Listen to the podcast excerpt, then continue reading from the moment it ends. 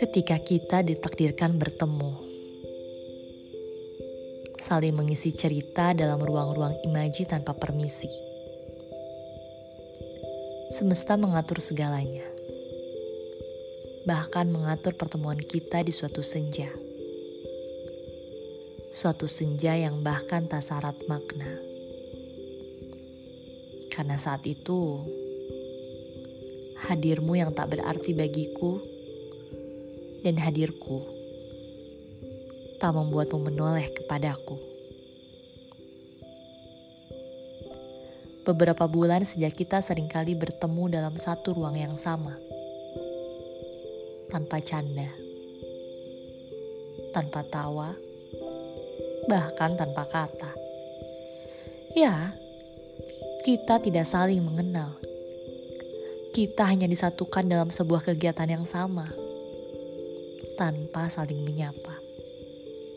Bahkan aku tahu namanya saja ketika sudah beberapa kali senja menertawakan kebersamaan kita yang kita sia-siakan tanpa saling berkenalan.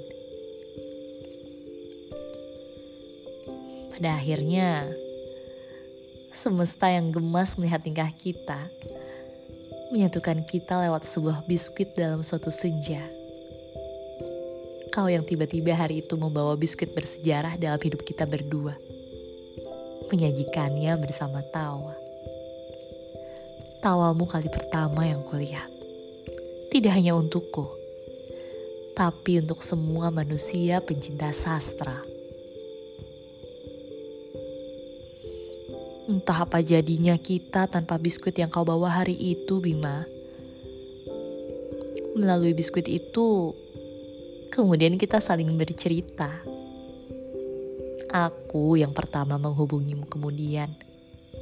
Tanpa maksud apa-apa. Tapi kemudian pertanyaanmu yang membanjiri notifikasi ponselku membuatku luruh untuk membuka cerita-cerita hidupku padamu. Aneh. Padahal aku bukanlah tipe orang yang suka menceritakan kisahku pada halayak.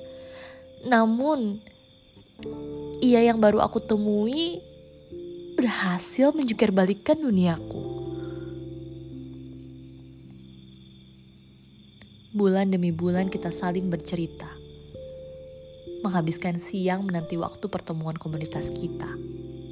Menanti malam mengakhiri perjumpaan kita. Tak ubahnya pria pemikat tawa. Kau selalu berupaya membuat wajahku ditelari tawamu reka senyummu yang membanjiri hariku, dan canda yang mengalir tanpa tahu caranya berhenti. Riuh tanya menyapa kami, mempertanyakan satu demi satu uraian yang begitu tersurat di antara kami. Bagaimana tidak orang tak bertanya, jika caranya menatapku tak ayal bola lampu yang berpijar tanpa mau tahu ke mana ia harus pulang. Bagaimana tidak orang tak bertanya, jika waktuku dan waktunya sering kali dihabiskan bersama. Bagaimana tidak orang tak bertanya jika setiap pergi bersama mereka, aku selalu dibonceng olehnya. Kemudian, tak ada satupun yang kami jawab.